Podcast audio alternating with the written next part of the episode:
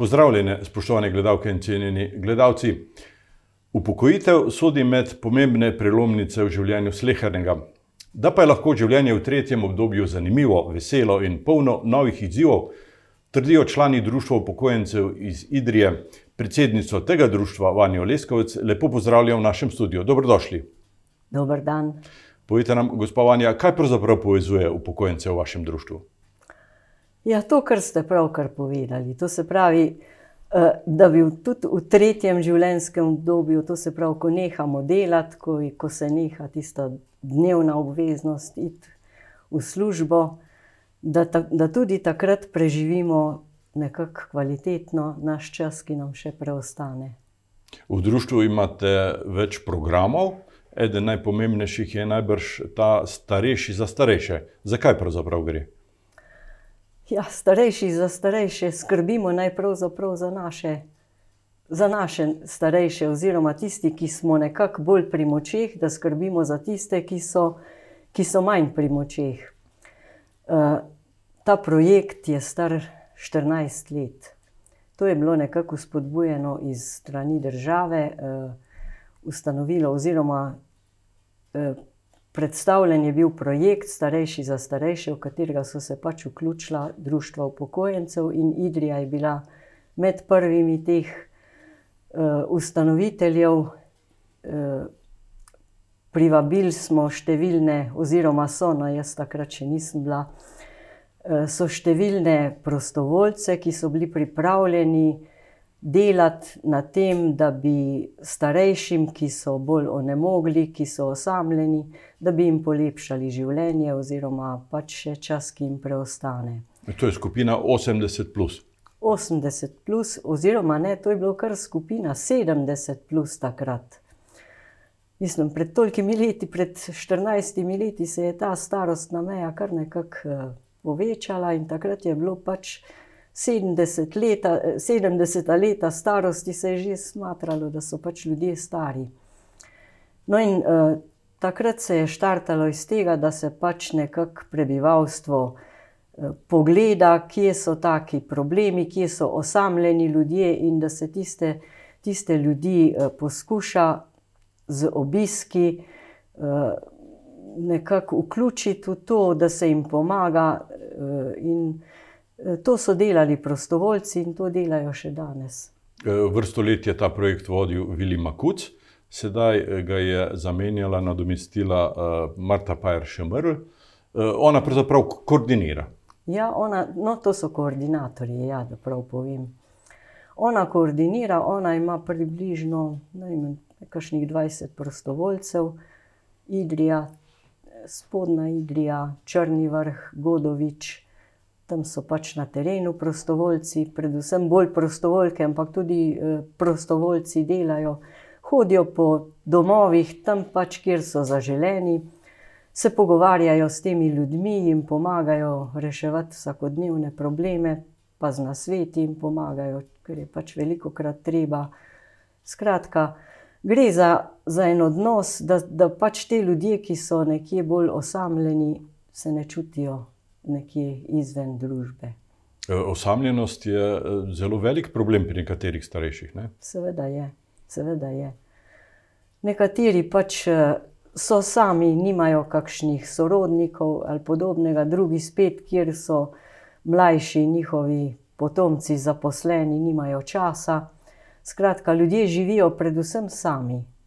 In v taki situaciji jim je pač treba nekako priskočiti na pomoč, na sveti, kakorkoli jim tudi pomagati, se vključiti, kjer je treba.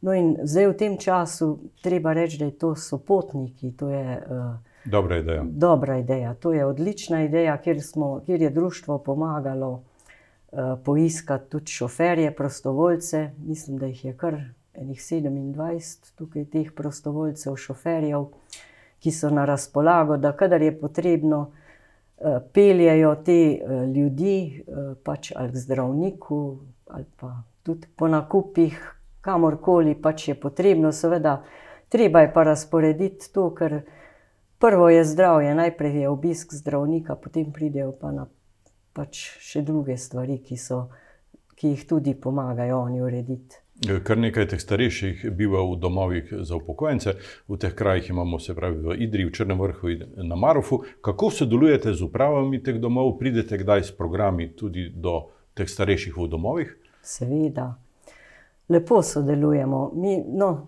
s temi bližnjimi društvi eh, oziroma domovi, to se pravi Idrija, Marov, ki je sicer tudi v sestavnem delu Idrije, in pa Črni vrh s temi.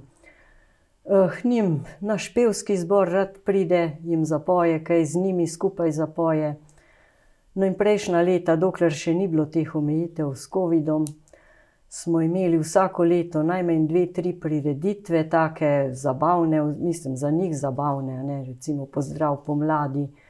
Potem je bilo vem, razno druženje in tako dalje, kjer so, kjer so pač ti eh, prebivalci domov eh, prišli, tisti, ki, ki ne morejo ven, iz, mislim, ki so tam doma, so jih pripeljali na vozičkih in so se pač eh, razvedrili ob teh dogodkih. Imate dovolj prostovoljcev? Ne, ne nažalost ne. Eh, jaz bi povabila res vse, ki, ki so kakorkoli pripravljeni pri tem sodelovati, da se nam pridružijo, ker tisti prostovoljci, ki so pred 14 leti, ki so se vključili, niso vsi več pri močeh, da bi to delo upravljali. Nekateri so zboleli in tako se nam je, no, nekaj smo pridobili novih, ampak res še bi želeli to ta krok povečati. Imate odprta vrata za nove sodelavce? Zelo odprta vrata. Seveda, tudi ne bojo prišli, če, če se bojo vključili kar uh, na delo. Ne? Mislim, imamo usposabljanja. Ta usposabljanja so vodena iz uh, pokrajine republike, tako da je to nekje na strokovnem nivoju, da ljudje, ki pridejo, uh, da se znajo znajti potem pri tem delu. Pomembno področje pri delovanju vašega društva pa so športni programi. E, kateri vse? Ja, še kar nekaj jih je. In sicer so prirejeni naši generaciji, našim sposobnostim. E, ja, balinanje. balinanje je za bolj krepke, bolj sposobne, to je tam na balinišču v Idriji. Pikado. Pikado je za tudi take, ki niso ne vem kako fizično sposobni, pa so še zmeraj, imajo še mirno roko.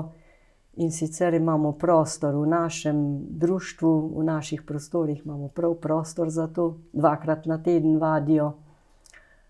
Uh, potem je prstomet, ne vem, če veste, to je sicer ena beseda, ki jo vsi ne poznamo, ampak uh, ploščice, plastične ploščice se meče. Balinčki. Balinčki, balinčki ja. uh, No, to se je ponavadi uh, vadilo zunaj, ampak zdaj po zimskem času, pa kadar je slabo vreme, imamo pa prostor v športnem centru. Nam je občina to omogočila. Imate tudi organizirano telovadbo v več krajih? Ja, v spodnji Idriji in v Idriji. Ja, kar številno je. In sicer je v spodnji Idriji kar 26 teh gospa oziroma žensk, ki hodijo. V igri nas je zdaj že kar 20, smo kar pridne, dvakrat na teden, pod strokovnim vodstvom. In mislim, da tiste, ki hodimo, tudi jaz hodim, smo zelo zadovoljni. Se počutimo potem tudi kar mal pomlajene, mislim, mislimo, da smo kar mal bolj vitalni. Ta fizična aktivnost, pripravljenost, eh, to je zdrav življenjski slog. Ne? Seveda, mislim, da je to v, v teh tem tretjem življenjskem obdobju to najbolj pomembno, da ostaneš čim bolj fizično aktiven. Mislim, da je to res, tudi eh, glavo je treba imeti nekje eh, bistro, ampak eh, predvsem fizična aktivnost je pomembna. Je Drago Kavčič še mentor? Še, še je. Še je in mislim, da je on tisti, ki je res, ki zna zadeve peljati, kot se gre. Eh, aktivni so tudi šahisti, berem v vašem poročilu, eh, in skupina za reševanje križank celo. Ja, tudi. Uh, ja, šahisti so izredni, šahisti organizirajo tudi turnirje, vabijo goste in tako dalje, udeležujejo se, organizirajo v Idriji. To je bilo to srečanje uh, s tem našim idrijskim rojakom pred časom. Pirc. Pircem, Pirc. Pircem, ja, Skratka, šahisti so izredni, res vsa zahvala gre Silvu Kovač. Kovač, ja. Silvo Kovač je tista gonilna sila. Eh, Strelci so pred leti bili bolj aktivni, sedaj eh, čakate na nov zagon. Ja, pri streljcih nam je en umrl, ga je COVID pobral in takrat se je zadeva nekako kar, kar, kar eh, zamrla. Je. Mogoče bomo spet. Mojca Zelenc je, je streljka, ki jo bomo, upamo, zdaj spet, ki je ostala sama, da jo bomo spet aktivirali. Ona bo nekako to zadevo peljala naprej. Držalo skupino skupaj. Tako. Eh, Pomemben področje vašega delovanja so tudi izleti. Zelo radi potujete, spoznavate nove kraje, nove ljudi. Eh, Kje vse ste bili v zadnjem obdobju? Sami izleti, to so bili pred COVID-om, je bilo to precej aktualno. Zdaj v zadnjem času, v zadnjem letu, v letu 2000, sta nam pa kar dva izleta propadla. Mislim, nismo uspeli nabrati dosti interesentov in, in smo jih morali odpovedati. Tako izlet po Sloveniji in v tujino sta nam odpadla.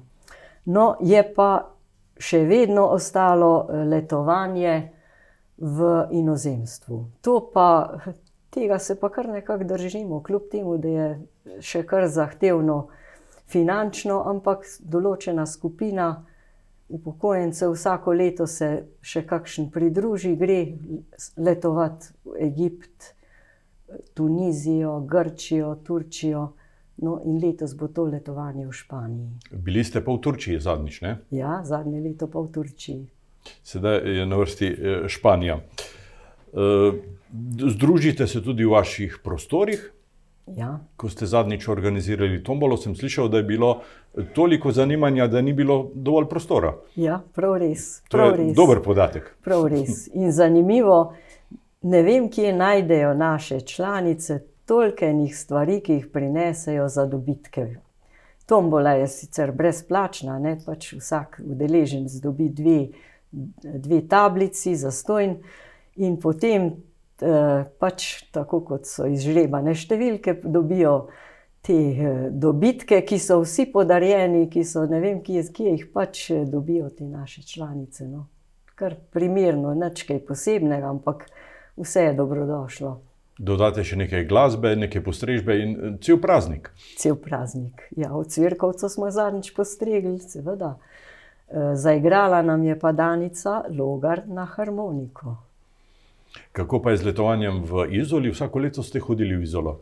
Ja. Vsako leto, eh, tudi letos, oziroma konc lanskega leta, v decembru, en teden, en teden so preživeli. Pač eh, kopanje, animacije, to se pravi razne igre in tako dalje. In pravijo, da tisti, ki so bili, so bili izredno zadovoljni, prišli so kar pomlajeni, Navdušeni. navdušeni. Eh, Pomemben del vašega delovanja v društvu je tudi kultura. Eh, Sedaj imate novo poverjenico, eh, Vasilijo Podobnik Kobav, imate pevski zbor z, z novo mlado dirigentko. Kako se znajde? Ja, Vasilija Podobnik Kobav, se, mislim, ona je pač na področju kulture doma, ni problema, ona to zadevo pelje, bi se reklo, z levo roko.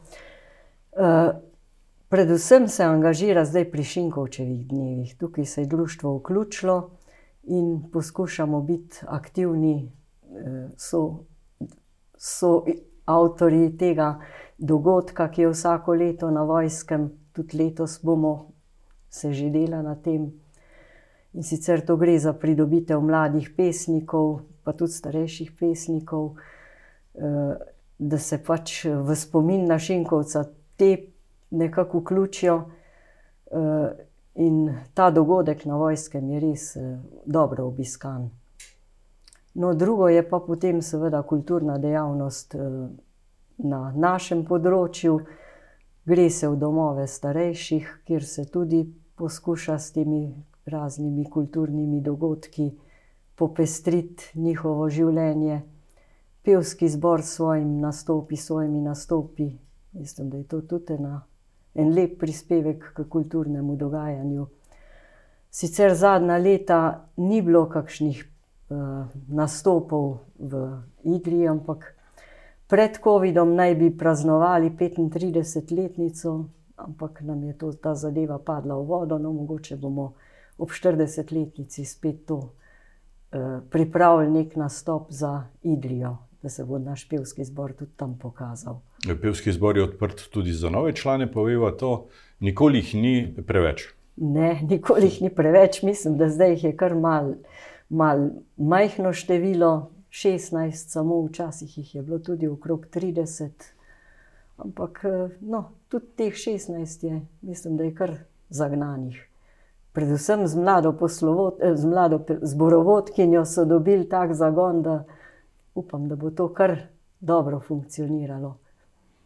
Upokojenci ste pogosto tudi izvedavi, iščete nova znanja. Univerza za tretje življenjsko obdobje je prava oblika za, za odkrivanje novih svetov, razni krožki. To področje koordinira, usmerja Anisa Makut. Ja, ona kot bivša ravnateljica in sicer sploh delavka na tem pedagoškem področju, to zadevo pelje res kot se gre. Organizirane imamo jezikovne krožke, potem je krožek ročnih del, krožek risanja pa večkrat so delavnice razne, to se pravi, eno, več ur se dobijo v enem dnevu in tam pač izdelujejo razne, vem, razne izdelke iz, iz papirja ali pa primerne šopke in tako dalje. Skratka, oblike druženja, kjer nastajajo neki izdelki.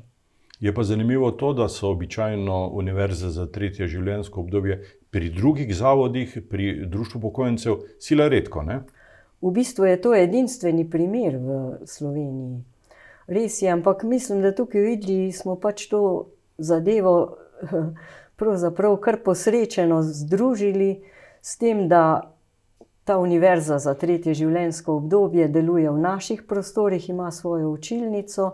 Potem se je vključila v naše poslovanje, da ji ni treba eh, svojih, mislim, zadev posebej voditi, stroške si nekako delimo in ta zadeva nam kar lepo funkcionira. V vašem poročilu sem prebral, da ste imeli v zadnjem obdobju kar 90 slušateljev. To je ja. veliko. Ja, kar veliko, kar veliko. Največ jih je v jezikovnih stroški, eh, krožkih, to je največ ampak želeli bi tudi še kaj drugega. Eh, predvsem bi radi pritegnili mlade upokojence, te mlajše, ki, ki so pravkar zaključili z delom, da bi se nam pridružili in prišli s svojimi idejami, kaj bi radi še, kam bi, kam bi usmerili to naše zanimanje v teh zrelih letih.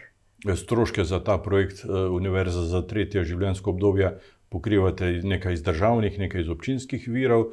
Eh, večino pa udeleženci prispevajo sami. sami ja. Nažalost je pač teh sredstev, ki jih dobimo, premalo, da bi bilo možno s tem pokriti eh, stroške mentorjev in morajo ti udeleženci prispevati.